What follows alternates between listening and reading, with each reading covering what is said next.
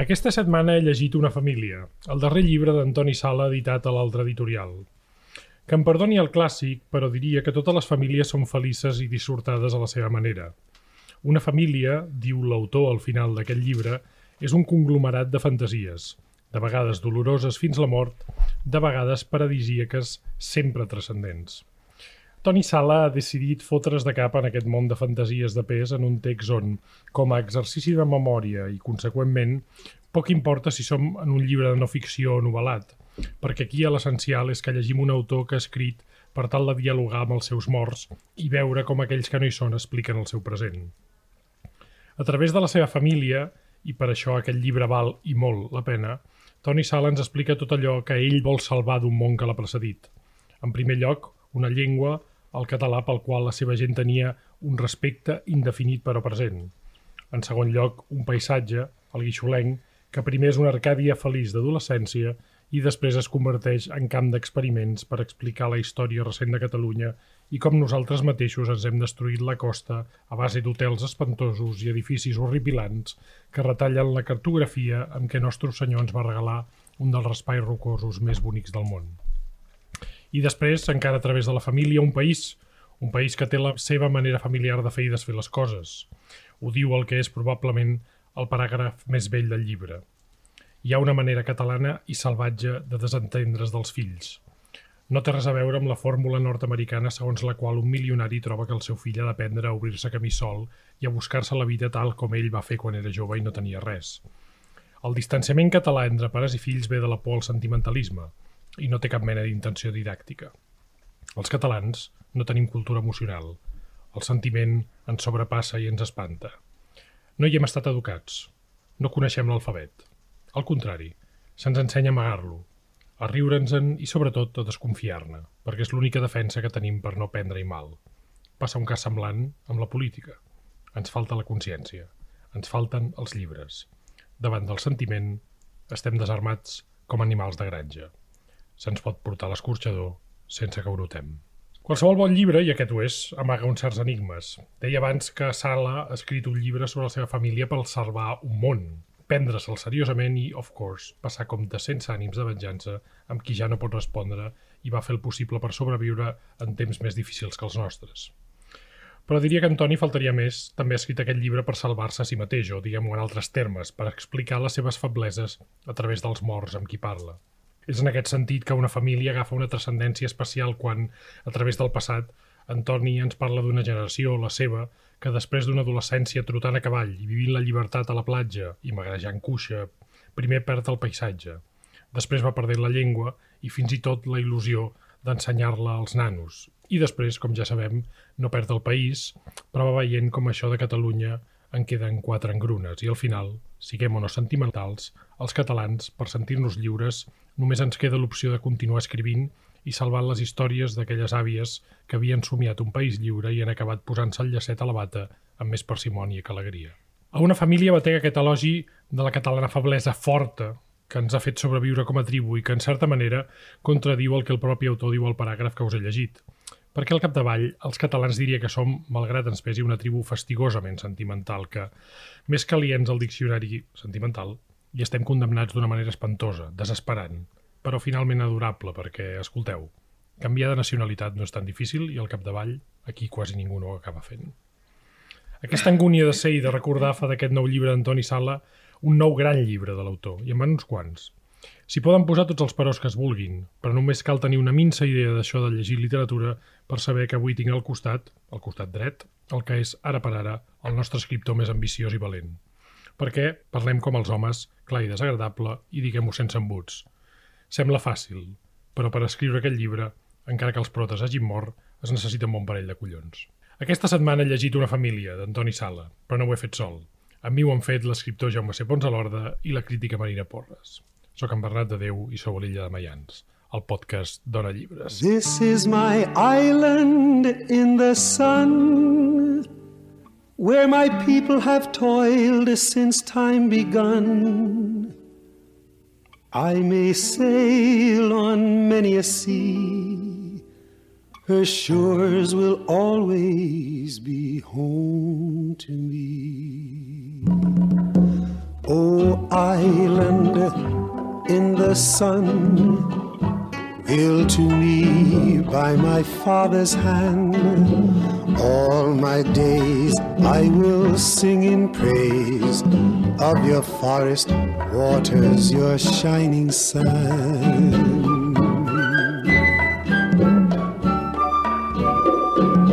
Sir James. Senyora Porres, tal? Bon Déu dia. us guard, bon dia, bona tarda, bona nit, bona matinada. Ens fa molt feliços perquè no es prodiga gaire i, com us deia a la meva introducció, tenir a la dreta el supervivent Toni Sala. Toni, Molt bé. Toni, eh, no sé si t'incomoden els elogis. Moltíssim. Sobretot quan hi entren els collons pel mig.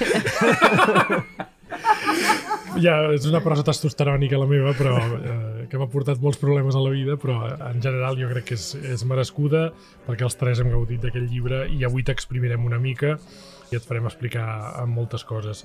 Aquest és un llibre que pels que gaudim la literatura d'Antoni representa un gir, eh, perquè segurament és un, el primer exemple de no ficció que li hem llegit, si és que això es pot etiquetar de no ficció. Aquesta és la primera qüestió que, que podríem tractar amb el, amb el Jaume i la Marina i en qualsevol cas, més enllà de les coses que s'expliquen de la família, en, com deia, aquest és un llibre que val la pena perquè es dedica a, salvar eh, moltes coses. Abans de sentir el Jaume i la Marina, t'hem de preguntar una cosa molt, molt infantil, Toni, que és per què?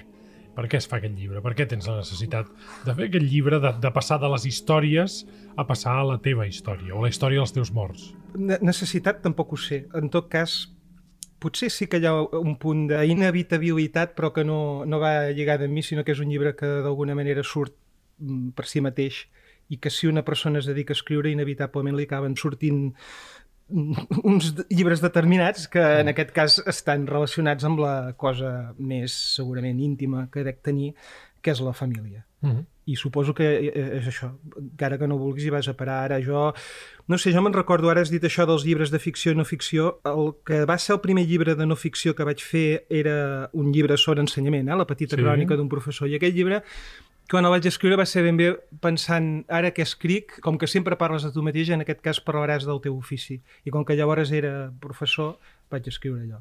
I aquí, doncs, bé, com que tinc una família, què més vols, no? Sí, doncs, ja ho tens tot. O També, sigui, es, també es parla de l'ofici d'escriure una mica. Eh, Segur, és clar, perquè és que no hi ha... És, és que és el que hi ha. O sigui, a mi ja, si jo em dediqués a una altra cosa, escriuria sobre una altra cosa, segur. A mi hi hauria dos coses que m'haurien, i per això citava la Pavarotera, que em farien por a l'hora de- de- d'escriure de, un llibre semblant. El primer és que despulles un passat, i per tant un passat en el qual tu no hi ets neutral, i per tant això sempre implica una valentia. I en segon lloc perquè a vegades tens, eh, suposo que com tots quan parlem de la nostra família, quan n'expliquem coses, tenim la temptació de pensar que potser són coses per nosaltres molt interessants, molt colpidores, però no necessàriament tenen un interès literari. És a dir, que, que el nostre pare, per exemple, com et va passar tu, morís d'una malaltia, o la mare també, pot ser que tu et determini molt, però després pots dir, hosti, m'ho estic explicant i això mm, com a literatura no Sí, funciona. però, però bàsicament la literatura és això, és de, és, és de saber discernir quines coses són, diguem universals. I jo crec que a un cert nivell, diguem, de, de profunditat o de seriositat o de com en vulguis dir, tot es converteix en universal. És igual. És a dir, jo em pensava que la, em podia pensar, perquè tampoc m'ho pensava, que la meva família era fins a cert punt, diguem-ne, especial o estranya, i després amb, amb mails que rebo i gent que em diu coses, esclar, te n'adones que totes les famílies eh, desgraciades són igualment desgraciades, no com diu aquell I les felices, Les segurament. famílies no també. n'hi ha, de felices no, no, No ha, jo no sí. n'he vist cap.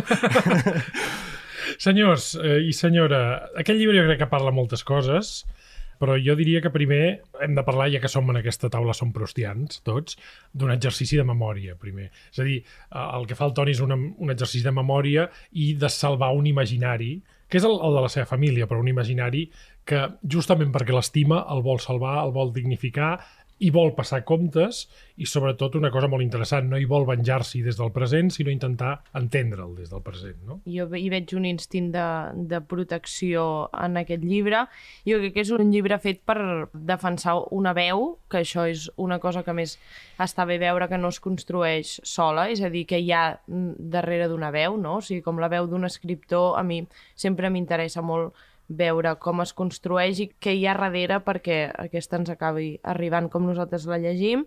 Crec que en aquest llibre es veu i crec que et protegeix també un territori, un imaginari i Toni Sala defineix els límits d'un univers propi on al centre de tot hi ha les coses que són intocables o que l'escriptor no es vendria, l'escriptor i aquí es barreja en el cas del Toni com a persona, no? que són eh, la llengua, la família uh -huh i el país. Jo crec que és un llibre fet per defensar aquestes tres coses, per fixar Claríssim. un imaginari i, a més, perquè si no s'escriu, hi ha el risc de que s'oblidi, com parlàvem de, de Proust, sí, doncs, sí. o sigui, escriure és una manera sempre de tornem, fixar... Sempre tornem al, de... al Marcel. No, però vull dir que escriure és una manera de fixar les coses, i el Toni parla en aquest llibre del que arrosseguen les paraules, mm -hmm. doncs el que arrosseguen les paraules és una cosa que és un imaginari.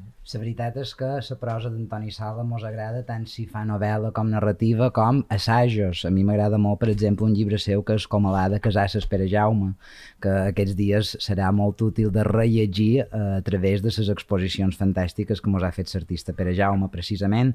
Petita crònica d'un professor de secundària va ser molt polèmica en el seu moment perquè sí. oferia una mirada molt crua del món de l'ensenyament. Jo recordo quan vaig fer el màster d'educació com hi havia professors que deien era una puta merda, hi havia professores que deien era meravellós, i unes discussions que teníem i eh, aquell interès va ser precisament un dels primers llibres que li vaig llegir.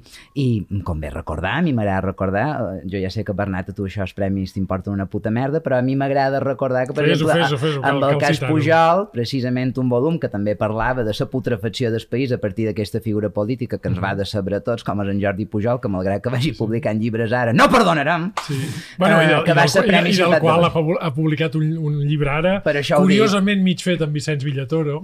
Per això ho dic. per aquelles, per, per aquelles, coses de per, la vida. Per buscar un, un redactor, ja que abans ho havia fet en Manuel Cuyàs, ara han buscat algú també molt objectiu i han pensat que el millor seria amb Vicenç Villate, dic, Villatoro. No, no, que llegeixin, que llegeixin el cas Pujol d'Antoni Sala, que a més a més va ser Premi Ciutat de Barcelona. A més a més venim amb ell de Persecució, que és la seva anterior novel·la, que va rebre el Premi Creixells, i anteriorment amb els nois va guanyar el Premi a la Crítica, s'ha traduït a l'anglès i els Yankees han flipat gambes. O sigui que... És que els, que nois, els nois és una cosa molt heavy. És molt heavy. És una cosa molt heavy. Uh, un altre dia el tornarem a conviar en Antoni perquè parlarem dels nois en concreció.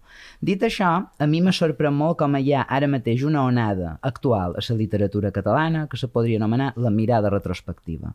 Ho dic perquè a una altra illa de Mayans varen comentar la Casa de Fot d'en Francesc Serés, que és el Premi Pro, que precisament és una mirada en el passat, també. Sí, sí. Ho fa a través d'una novel·la.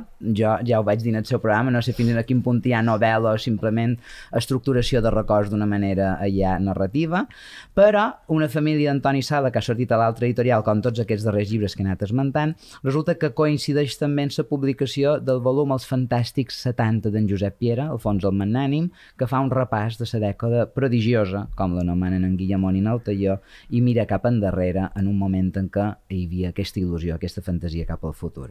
I a més a més, el darrer premi Andròmina és de Ramon Ramon, que és generacionalment de la mateixa quintada que Antoni Sala, i ha publicat els dietaris dels anys 2017, 2018 i 2019 amb aquest volum que si un no sé que mor eh, crec que és molt interessant perquè com que veiem que vivim en un present políticament putrefacte, amb una situació zombi i amb unes ma manques d'esperances brutals, com mirar cap endarrere pot ser mos dona les petjades que mos fan anar cap endavant.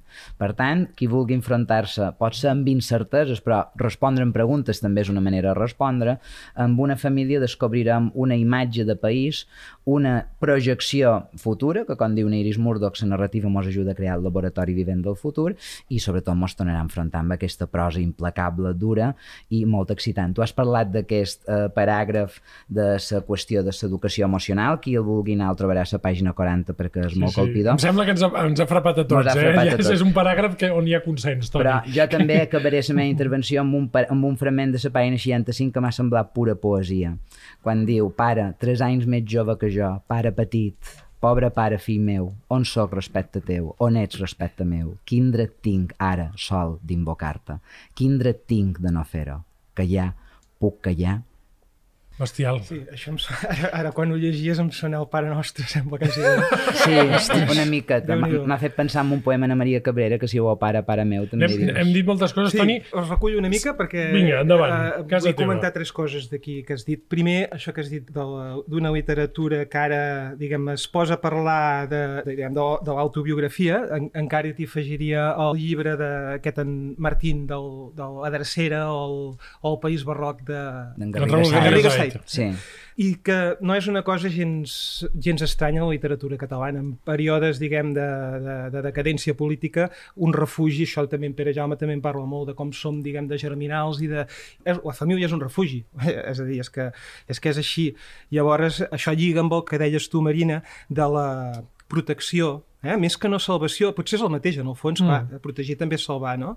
Però m'agrada més la paraula protegir, i jo hi donaria un sentit com de, de consciència, no? No és que tu salvis res, perquè al final no, res se salvarà, vull dir, d'aquí dos dies no hi serem, ni, ni, ni nosaltres, ni el país, ni el planeta, o sigui que no quedarà res, però sí que hi ha una hi ha com una, diguem, una força que et fa intentar que les coses siguin més conscients. Potser la, la, el que jo diria de la literatura és això, és dir, hosti, fixa't, no? Fixa't què tens i fixa't què estàs perdent i fixa't què t'estàs malvenent o què est... fixa't com ets d'irresponsable. Jo això ho he vist clarament, bueno, ara en política no cal que ho diem, no? com s'ho estan polint tot, però això es, es veu a venir de vegades, a més a més, una, una cosa que tinc observada és que físicament també el que va, va lligat en el que és, diguem-ne, espiritual. Vull dir, la pèrdua de la llengua també va lligada a la pèrdua dels monuments, els edificis, els paisatges, tot això, Oh, no? I... I això també, Toni, perdona, Sí. això ho expliques d'una manera molt valenta, perquè, Sí. clar, tot el que és la depredació turística Sí. del, de l'Empordà, que es veu a Sant Feliu, a Platja d'Aro, eh, quan, quan parles, a mi m'ha agradat molt perquè els, els he vist i he estat molt, estivejant molt a prop aquells bars sòrdids de Platja d'Aro, Mm. que no tancaven a la nit, que tenien aquells clients, especialment a l'hivern, Sí, sí, sí. aquells clients i tant. absolutament del Far West, que dius, que, Sí, sí, sí. que dius d'on d'on surt aquesta gent, doncs la teva família en certa manera hi participa I d'això, no? tant. Has de ser molt valent per explicar, perquè tu primer comences explicant la depredació turística, explicant l'ofici dels teus, dels teus pares, dius que t'anaves a la cuina, Sí. que expliques gairebé com, un, com el teu playground, Sí. no? Tu vas créixer en un Sí, sí, restaurant sí. i anaves Sí, sí, portant sí. menús, anaves fent Sí, coses, sí, sí. però després te n'adones a posteriori com tot això provocava la desaparició d'un paisatge, d'una llengua... Sí, sí. Però al mateix temps, si no fos per això, jo no estaria aquí parlant. Vull dir, a mi em van, em van poder donar estudis perquè es guanyaven la Sí, vida sí. amb això, si no ara potser seria un pagès, no? Aquest és un mal del país que, que val, això en Gasiel en deia la devoradora de hombres i Mm. ell parlava dels homes, però això ho pots estendre tot. És un país que, diguem, per sobreviure s'ha d'anar fogacitant a si mateix, sigui amb el paisatge, sigui amb la política, i a cada, el problema és que cada vegada perds un llençol. Es va prostituint, es va venent, no? perquè, pobret, per si mateix, com que no depèn de si mateix, doncs no, no es val. Oh, my love, darling, I've hungered for your. Aquesta setmana vos vull recomanar dos llibres memorials que mos ajuden a entendre el passat amb una voluntat brutal. Els fantàstics 70 d'en Josep Piera és un viatge iniciàtic en aquesta dècada prodigiosa i lluminosa i mos ajuda a veure el naixement de Josep Piera com a escriptor i com a autor. Un llibre de memòries que mos permet arribar en els orígens de la seva creació. De la mateixa manera, en Ramon Ramon acaba de guanyar el Premi Andròmina amb els seus dietaris, No sé que mor, que són una meravellosa entrada cap en els seus pensaments, les seves reflexions, les seves lectures i les seves voluntats prodigioses com a escriptor. Un merescudíssim premi Andròmina publicat per edicions 3 i 4. Trobareu aquests llibres, és clar, a la llibreria Ona. Godspeed your love to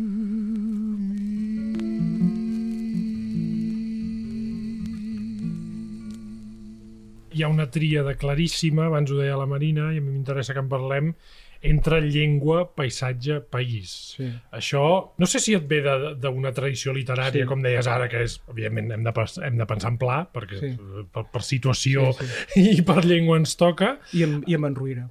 Que Molt, també, tam- també molt, per molt, situació, molt, però és que clar, Clar. en pla, per situació, Clar. veu de Ruïra, i jo per situació veig A vegades, la a clau. vegades, encara, que, es, encara que n'escrigui malament, perquè de tant en tant, com que, com que escriu tan bé, li té mania. Sí, sap? però- En pla, quan veia que, sí, que algú escrivia sí, tan bé com això, ell. Això és veritat. Per això per parlava d'en Sagarra, Et, també. et diré més, el quadern gris original que, ja, que s'han editat el- els manuscrits del Sí. quadern gris acaba dient, acabo de llegir Ruïra i és una lectura que no oblidaré mai. Més o menys, no són les paraules literals. Això ho treu. Després, quan ho publica, això ho treu. perquè, el perquè, li, perquè li té enveja el cabron Sí, I, és, bueno, i és tan cabron no- és que, no sé si és clar, enveja o és és- que clar, Ruïra és espectacular És espectacular, És pare. és Sí, sí, sí, espectacular. sí. Sí, sí, llavors I, això, i llavors això, això, això en deies, si això té una tradició darrere, home, clar, i no només de llengua, sinó també de això que dèiem de la preservació i tot això, el mateix Gaziel, que és, vull dir, és que és del meu carrer, no és del meu poble, Sí, pràcticament del, meu, del carrer del costat, doncs aquest, en un moment donat, eh, renuncia a tot el que sigui escriure en castellà o fins i tot parlar en castellà i es tanca a, a fer el Sant Feliu i, i les memòries i, i té una última època de, de, de militància estricta amb, amb l'idioma, no? Clar, jo crec que hi ha una cosa que es, que es veu amb això que dieu eh, i passa en tota la literatura de Toni Sala, que és una literatura de lligams. I això sí que es veu des de, jo crec que per les novel·les i aquí es veu molt bé. És a dir, que precisament aquí hi ha l'escriptor és com molt conscient que la tradició es basa en aquests lligams. És a dir, que no es pot sí. fer res com si fossin bolets, sinó Sí, que, que rasa si hi ha no pla existeix, vol sí. dir que hi ha Ruïra, però vol dir que hi ha Bertrana, però vol dir que hi ha Guimarà, però vol dir que hi ha català, i en realitat es pot fer un recorregut amb aquest llibre d'alguna manera, al fons d'aquest llibre diu jo sóc aquí perquè hi ha tot això i llavors també és un intent de salvar tot això a partir de la contemporaneïtat. I de la mateixa manera que el paisatge es lliga amb la família, que el poble es lliga amb la, amb la Sí, sí, per això, infantesa, per això o sigui, ja quan, quan parlàveu dels referents, Toni, això no és, no és només una cosa que passi amb la literatura catalana. Aquesta mateixa editorial, i no és gens casualitat, ha publicat el nostre gran amic Nausgar, que parla també de la seva... Parla, oh, parla on ens fot unes xapes tremendes. Parla sobre molt, la seva parla molt, família. Nausgar, te vull dir. parla molt, especialment quan, quan acaba, que no, allò no acaba, allò el Celan no acaba mai, però ens parla del paisatge del seu país, del, de la mort d'aquella socialdemocràcia també del seu país que està morint perquè es veu que és una farsa i que tothom viu molt bé i té molts fills però, però és més infeliç de collons. En el fons això és normalitzar, jo penso que l'Eugènia Broja ha normalitzat un debat europeu que ara mateix Sí. estem tenint, que és el de la fi d'una època, no? Sí, i un debat occidental i un debat que eh, és la pròpia literatura. Vull dir, tota la tragèdia grega són històries de família i res més que històries de família. Llavors jo, de- d'aquí el que deia, potser el que trobo interessant és que, quan deies la família, no? els escriptors, és que són la teva família, naturalment, no? perquè et dediques a això. Es diu, això lliga amb la família també personal, en el sentit que, mm, per mi, això és una idea que, mira, no sé com, no sé com sempre l'he tingut i cada vegada la vaig, em va tornant amb més força i la veig més clara, no? que és que, de fet, eh, escriure simplement és llegir, és llegir, però en el sentit, vull dir que de llegir és igual, llegir la teva, llegeix la teva família, llegeix, mm -hmm. llegeix-te tu mateix, d'acord? I doncs que inevitablement es, tens que llegir en la teva, com qualsevol tradició, es llegeix a si mateixa i és clar, en, en aquest sentit com a escriptor català, un, un autor català ja té bona part de la feina feta perquè ja, la, ja li ve donada perquè ja tenim mm. això, ja tenim aquests autors que hem dit, no? que han fet molt d'ús de la cosa autobiogràfica del paisatge, Sí, sí. també I que, i, que, de i, que han fet, eh? I que han fet del Però- dietari una, una novel·la, és a dir, el, Sí, sí, el quadre gris es, es Sí, i, segueix i, aquesta i això en part deu tenir a veure amb una falta de cultura acadèmica, eh, pel cas dels catalans, que té uns segles en què es desenvolupa la, diguem l'acadèmia, la retòrica, tot això, que clar, quan arriba Verdaguer tot allò és un pagès Verdaguer, ho té molt net, i això és un avantatge que tenim nosaltres, que ens deslliurem de... Bueno, això també ens passa, diguem-ne, si ho mires fora de la literatura també es passa, aquestes individualitats catalanes Sí. que no tenen una, una retòrica que els embruti, no? Ferreter també té una cosa molt interessant que explica, ara no recordo si és parlant de Riba, que em sembla que sí, quan parla dels seus referents anglesos i francesos, diu és que el, el problema també amb el català i el problema amb la llengua és el que invoca una llengua. És a dir, que tu quan fas servir una paraula en anglès sí. no és el mateix que quan fas servir aquesta paraula en Perquè tens català. una traducció de per- recepció, d'emissió, Exacte, etc perquè tot el que arrossega la llengua i que això és un tema que també surt aquí sí, parlant del teu pare, o sigui, de la comunicació que s'estableix del que arrossega una, una llengua. I, I en aquí, precisament per aquesta falta, el que la llengua arrossega molt és paisatge. Arrossega, Exacte. arrossega paisatge. És a dir, fins al punt que de vegades la mateixa llengua dona nom a paisatges. Jo sempre penso en el Pinya de Rosa, que són uns jardins noms que hi ha a Blanes, que el venen del nom... Tothom diu Pinya de Roja i no saben per què ho diuen i ve de... Però, Ruïna. bueno, però si agafes, vull dir, agafes, jo què sé, Verdaguer Montserrat o... No sé, és igual. mm, Està, està De fet, jo diria que un dels moments més, més emocionants del, del llibre és quan s'està morint el, el teu pare o el que fa del teu pare, no? perquè aquesta també seria un llibre on hi ha un personatge que fa de tu, no, no, Mm. no tens que ser necessàriament tu, i mentre té la, la, una traqueotomia i no pot pràcticament parlar, et demana que li portis un Espill. que, un espill, eh? Sí. i utilitza aquesta paraula tan, Això és tan molt, curiosa. oi? Sí, això, això m'ha fet pensar molt, això, perquè fixa't que, que curiós, no? I que, que quina sort que vaig tenir, no? Que digués espill i que no digués mirall, Clar. eh? I, i que demanés un espill i que no em demanés, no sé, una pinta o, o una aigua, no? I llavors anar-hi pensant, comences a, a veure també que les coses eh, quan escrius un llibre al cap de tant de temps de, de, dels fets, també elles mateixes es van destriant, no? I segur que el meu pare em va demanar també una taula, una cadira, això què sé, vés-me a buscar...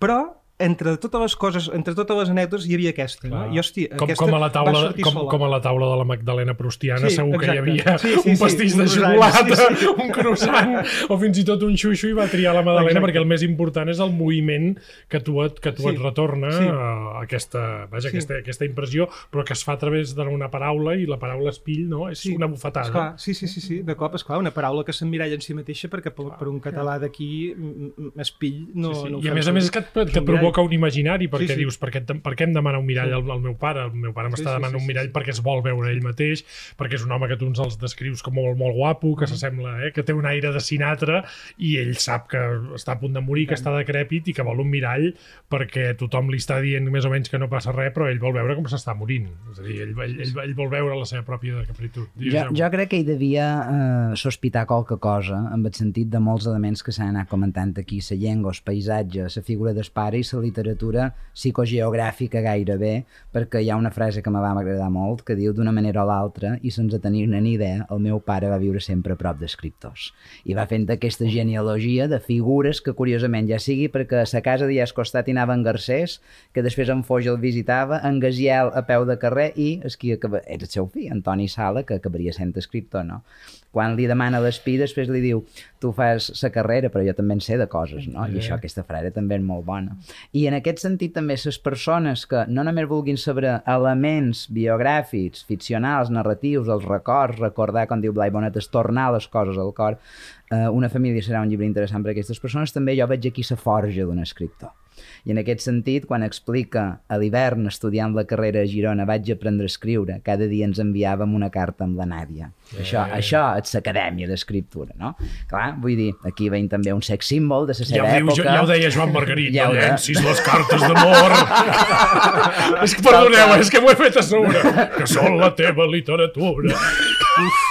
meu. Bueno, en fi, seguim. Eh, sí, m'agrada molt com ho explica Antoni Sala. M'agrada molt com Sí, sí. ho fa Antoni Sala. Vull dir això. Que no en guarda ni una, eh? Que no en guarda ni una. No m'estranya, no m'estranya, perdoneu, eh? És que ara em surt aquella, em surt aquella manera de recitar. Val, val la pena de tant en tant enfotre's-en una mica Una de tot plegat, una perquè n'hi ha per enfotre's-en. Uh, tota aquesta qüestió és molt interessant per veure com aquesta veu se va trobant també i com se va autoerigint a través de la consciència. Abans ha parlat del fet que la literatura és una arma conscient. En efecte, és una eina de conscienciació a través d'un fet clau i molt poètic és el gest. Vull dir, és el gest de demanar la paraula, eh, es mirall a través de les pilles, el gest de demanar aquell paisatge, aquella existència, i és una literatura plena de gestos.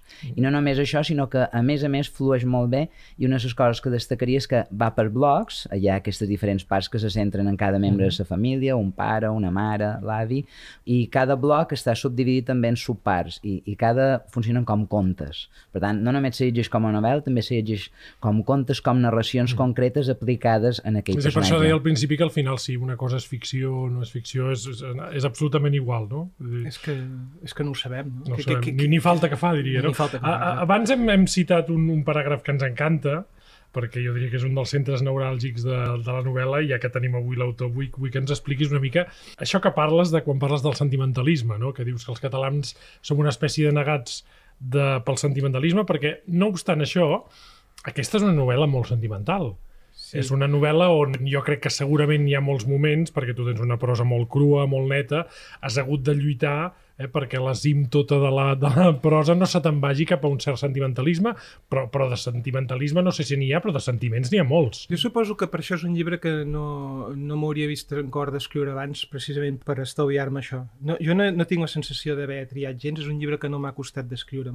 Precisament les, hi ha una part que vaig fer del llibre que era més sobre la meva àvia, que em va costar moltíssim, i després, no sé, però 100 pàgines així, jo, jo la vaig treure, precisament perquè m'havia costat. Això és una cosa que passa, no sé, passa amb, amb l'escriptura, que d'alguna manera l'has de ja tenir madurat el, el que has de dir perquè després sortir molt fàcilment. La teva I- àvia, aclarim, la, la teva Sí, àvia, que és la que està que viva. està viva, precisament per això. Dintre de tot aquest univers. Clar, no? Segura, però- Segurament devia ser per això, perquè devia Sí. ser la més històrica, segurament. Sí, sí, era exacte. O sigui, el problema és que com que estava viva, l'únic que podies parlar tu era de fets històrics, històricament superinteressants, molt, molt. O sigui, segur que un historiador, si agafés la meva àvia, hi ha exiliats, hi ha un pintor, hi ha, hi ha molta... És molt interessant, però li faltava està morta, li faltava està morta per mi, o sigui que jo hagués tingut prou temps com per, diguem, per això segurament la part del meu pare, que és el que es va morir primer, Sí. és la més, no sé si més potent o la més pot semblar més treballada i que en canvi és tot el contrari, és una part que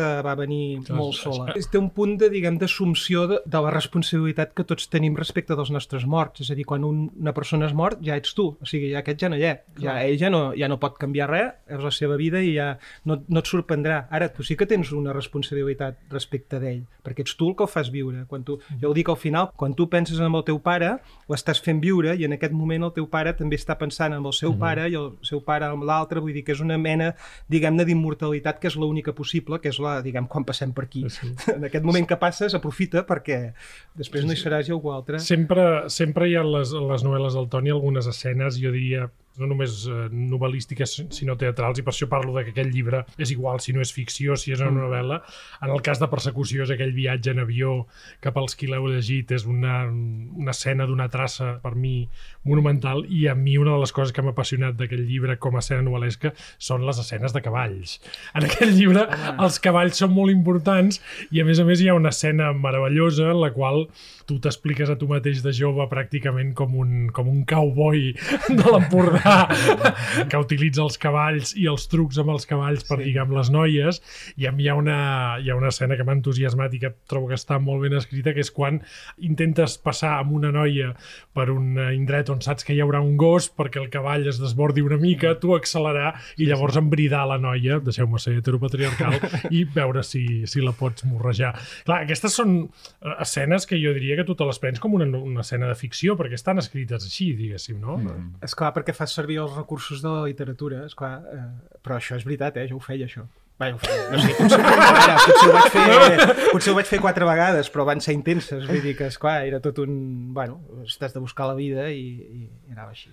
Però bé, també aquell moment que estàs allà esperant, que hi ha aquell moment de migdiada que tu també aprofitaves Sí. i que hi ha holandesa i que estàs allà ficat i que t'estranya que no te venguin a cercar i passen ses hores com és que no venen, com és que no venen Sí. i resulta que el teu avi havia avisat un dels treballadors diu no, que, que conegui dona, saps? Que conegui dona i que, Sí. no, que no se preocupi.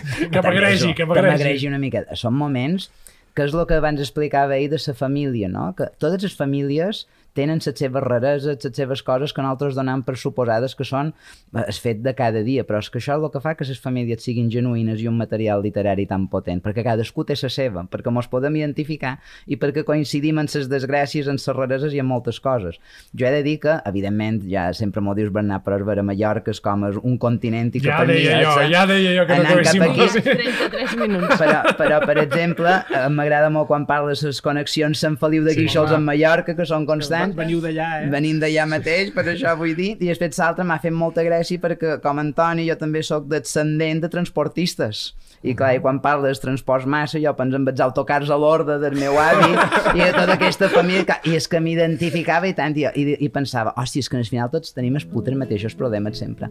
I, I això és el que transforma una experiència individual en una aventura col·lectiva, que és el que fa una família d'Antoni Sala. I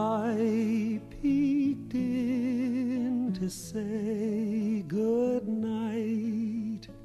Aquesta setmana us vull recomanar un llibre de memòries que, com el de Toni Sala, acaba de sortir i que acaba de sortir a la mateixa editorial que Una família.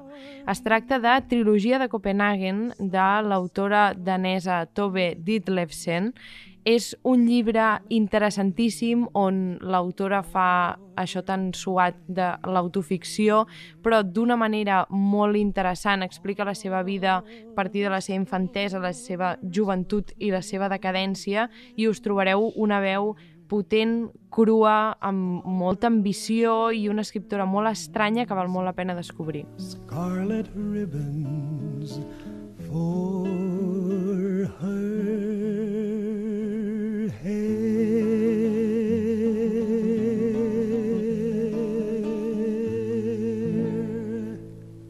aquests tres pilars que defenses, llengua, eh, país, a través de la família, paisatge. Igualment, ja, la teva és una, és una generació, també jo, jo crec que és un clima que arriba a la meva. Parles d'un món que s'ha acabat, d'una llengua que també no és que s'estigui acabant, sinó que està experimentant un procés de castellanització S'està acabant. que ara, no mateix, que ara mateix a Barcelona és literalment sideral i d'un A Barcelona país... i a Sant Feliu, eh? Ah, Això és, sí, això és... i d'un país que estem veient com quatre aprofitats i fills de puta s'estan venent a un preu d'un sou bastant minso, és a dir, disposats a vendre-se'l ja, ja podrien cobrar una mica més. Hosti, mm, com, com ens en sortirem d'això? Home, a veure, eh, altra vegada amb la cosa de la consciència, primer, jo tampoc diria que són quatre que se l'estan venent. Vull dir, aquí també és molt fàcil tirar contra els polítics, però jo em pregunto de totes aquelles manifestacions de fa cinc anys, on té aquella gent que sortia? Eh? On és? On són? Esclar, Callant. Callant. Doncs bé, si En passant, en passant, callant i en això per una banda, i vull dir que potser els que, que sí que són quatre són els que intenten mirar de ser conscients no, de les coses. I al final, Sean Carner ho deia, que és una frase que em va impressionar molt, que deia que, un, que al final un país cap amb un autobús. I és això. I potser aquest autobús s'estavella i potser és l'últim autobús i ja se li acaba la benzina i aquí ens quedem, no? Però perquè hi hagi consciència n'hi ha prou amb un que, que faci, eh? o, o amb 12. Vull dir que jo també ho dic sempre això amb, amb la qüestió de la fe, no? Amb la, la literatura catalana és una literatura que neix en, per dos, diguem no capellans, però en Verdaguer sí, però mm. l'altre és en Llull. Són gent de fe, vull dir, és que... Sí, sí, un proselitista, un animal, un boig, un Sí. boig que va pel món. Sí, un il·luminat. Sí. sí, sí predicant. Sí, però és que també la literatura ja és una cosa d'il·luminats, perquè al final la literatura què és? És un intent de comunicació que tampoc sabràs mai si allò s'ha s'ha donat o no. O sigui, tu escrius una cosa i tu em pots dir molt guapo i em pots dir tot el que vulguis, però vés a saber, m'entens? Mm -hmm. Vull dir, no ho sabràs, és una, és una fe, vaja, com, com el 90% de les coses, per altra banda. No? Sí, però, sí. en, però en aquest país em sembla que, que això és important de tenir-ho, de, de fer-nos conscients d'això, no? Que, que, que estem com estem. Sí. Això està El que passa és que per, jo, jo per això, jo hi he pensat molt a l'hora de fer aquesta introducció, pensava, has de tornar a fer servir el verb salvar, perquè quan parlava... Clar, però per això I m'agrada que molt que hagis dit protegir. protegir. Però és- sí, és- perquè protegir no, no Sí. implica salvar. Sí. En canvi, salvar sí que implica Clar, protegir. fi- Bueno, és que estàs fixa't- simplement marcant clar. una cosa perquè no et la trepitgin, o sigui, Sí, per sí, dir, sí. és que Bueno, això és que, és, eh, això- Intentant-ho. meu. Eh, tu- eh, jo- Sí, que, que, sí, en el, Sí. en el terreny literari sí. Deu ser de les coses que pots, que pots intentar salvar. Perquè Sí. Clar, depenen per això. molt de molt poca gent, no? Per, perquè surti un llibre depèn molt més del fet que tinguis una tradició darrere, per això es pot morir una llengua Exacte. i tu continuar escrivint, que no pas de tenir molts lectors, per exemple. En canvi, intentar protegir, com jo he intentat fer a Sant Feliu, un espai, una plaça amb un monument preciós, etc, ha sigut absolutament impossible. I no només per culpa dels polítics, per això deia això, Sí, sí, sí, sinó sí. perquè la gent està molt acostumada en aquest país a consentir i a, i a, i a creure. Sí, sí. I només cal que li diguin tira cap aquí, per això dic això de les, aquestes manifestacions Sí, que sí. nosaltres ens devíem prendre de manera molt seriosa, jo no sé fins a quin punt eren vistes o eren tocades així. Jo, jo que tinc mig cromosoma empordanès, quan escrivia aquest verb salvar me'n recordaré d'una cosa que me'n recordava d'una cosa que et deu recordar perfectament, que és aquella campanya, la primera campanya ecologista que va haver-hi a Catalunya, que es deia Salvem Castell, que volia salvar la platja del Castell, que era una de les poques platges verges de Catalunya, que van sortint-se, que, sí, la, sí. que la vam salvar, la- la, la, ser la la van salvar i la vam salvar, jo encara tinc a casa unes, unes samarretes, i jo veia aquella gent, no? aquella gent que volia salvar el paisatge i la llengua, com una cosa, a més eren dels primers moviments ecologistes que vivíem a Catalunya, que era una cosa a nivell americà, doncs, no ja sabuda, sinó fins i tot comercialitzada, perquè Greenpeace s'havia convertit en una empresa,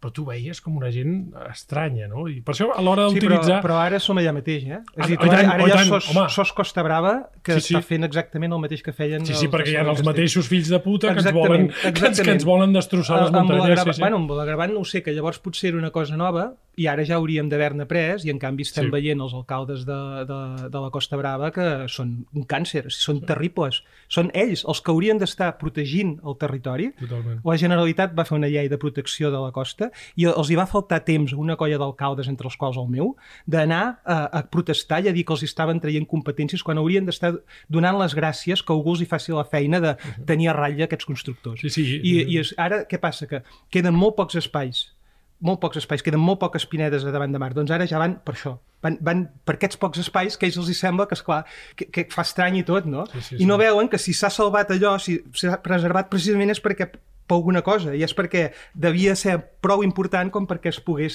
Sí, sí. reivindicar. I molts d'aquests alcaldes eh, s'autoanomenen republicans i, Sí, diuen, ui, i diuen ui. que estan al costat de la gent. Per acabar, eh, Toni, perquè se'ns se menja el temps, eh, et volia demanar, jo sospito per on aniràs, alguna música que, que tingui relació amb aquest llibre, i dic que sospito per on aniràs perquè aquest llibre hi ha un, s'hi cola un personatge que és, a més a més, no, no sé encara quina música diràs, eh, però que és per mi un senyor que és Déu Nostre Senyor, que potser és el que tries com a, Sí. com a música per acabar el programa. Sí, un gran escriptor.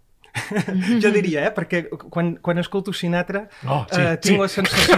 Sí, sí, però fixa't... és que clar, no, perdona, són- perdona, és que... No, no, és Déu, és, Déu, És clarament Déu. Però fixa't que, que Sinatra fa exactament el mateix que fa un escriptor, que és agafar unes paraules i canviar-los el sentit, o sigui, o amplificar-ne el sentit. Totalment. És a dir, ell agafa una paraula... És un poe- un poeta. És un poeta com una casa, és, és, és, un, és un... En fi, és que jo també Jo, jo, no, jo no- quedo callat i... Jo, jo no sé si, vaig, si vas anar, però jo vaig poder anar al- a l'últim concert que va... Un dels últims concerts que va fer Europa, que era molt petitet, em sembla que era l'any 92, i era el concert de la... Fe... Van ser un concert que van en, en ocasió a la febre olímpica, quan aquí rajaven els bitllets i li devien pagar una morterada, perquè me'n recordo que el tio va arribar amb l'avió, molt jefe, eh? fer el concert i va fotre el camp, o sigui, no va ni a veure la Sagrada Família.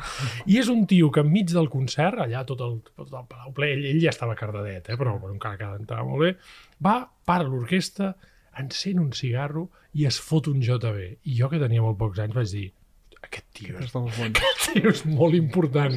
I vés a saber què devia fer abans de d'entrar a l'escenari perquè jo crec que alguna substància extra també hi havia perquè el, el tio no mai, mai m'ha de fallir. Un tio que va cantar més de 1.600 cançons i no li sents una punyetera nota desafinada eh? acabarem amb el, amb el Franqui nosaltres t'agraïm la, la feina que estàs fent l'ambició que tens i la valentia que, que tenen els teus llibres i esperem que tornis aviat es pot dir si estàs escrivint o... Mm, ara no, estic fent una cosa sobre solitud, precisament. Vam demanar unes pàgines i, i estic fent això. No. un, un estudi sobre, sobre la novel·la Sí, fan una reedició, no sé per quin, no, no sé per quin aniversari, i, i fa- han encarregat uns quants, no sé, un- unes pàgines sobre solitud, que és un llibre que jo, jo he tocat molt i, i, i és interessant. Precisament, t'explico una cosa que... Vinga, que dispara. L'última cosa que estic així pensant últimament, perquè la, la Víctor Català escriu en el temps, això en Ferreter el, la llegeix a partir de Freud, i clar, la meva idea és que potser s'hauria de llegir no, no a través de Freud, sinó al costat de Freud. Vull dir que és el mateix moment en què Freud està, està inventant la psicoanàlisi quan escriu Solitud, i tenen coses molt semblants, perquè Freud és un, és un gran escriptor també. És, és, tot és mentida. I un gran crític, i un sí, gran i un gran crític, crític. És, és, un, és un home que, que de fet aconsegueix amb literatura, ai, amb, amb, ell, bueno, s'inventa tot això, el psicoanàlisi, però l'únic que fa és això que jo deia abans de llegir. Llegir, ell llegeix els, llegeix els, els pacients, Sí. però només les fa dones, les dones, les dones, sí, sí, sí, i llavors tot ho, tot ho agafa pel costat sexual, però vaja, això ja és cosa de l'època, però vull dir que, bueno, a Víctor Català hi passava igual, ja, ja estic amb això. Fantàstic, doncs, doncs llegirem aquest estudi i ei, no seria mala idea fer un revival de solitud i fer-lo al Bueno, costat el, d'escriptors. el, però sí, el Toni té, tu tens moltes Sí, coses sí, sí, escrites això, sobre no sé solitud. dir, sí. Clar. Sí, sí, sí, sí, sí, a però mira, deurà sortir això, vull dir, com una Doncs, doncs, eh, quan el treguis potser et tornem a molestar i et fem baixar a Can Fanga, que ja sé que és una experiència horripilant, perquè allà el sí està molt bé, i potser podríem portar alguns escriptors més que han llegit aquell llibre, que és mm, hiperfundacional de la nostra literatura. Marina, Jaume, moltes gràcies i Toni, eh, de veritat, moltes gràcies per visitar la nostra illa. Espero, que, Gràcies. espero que no ens la fotin en l'aire. Ué. Everything happens to me.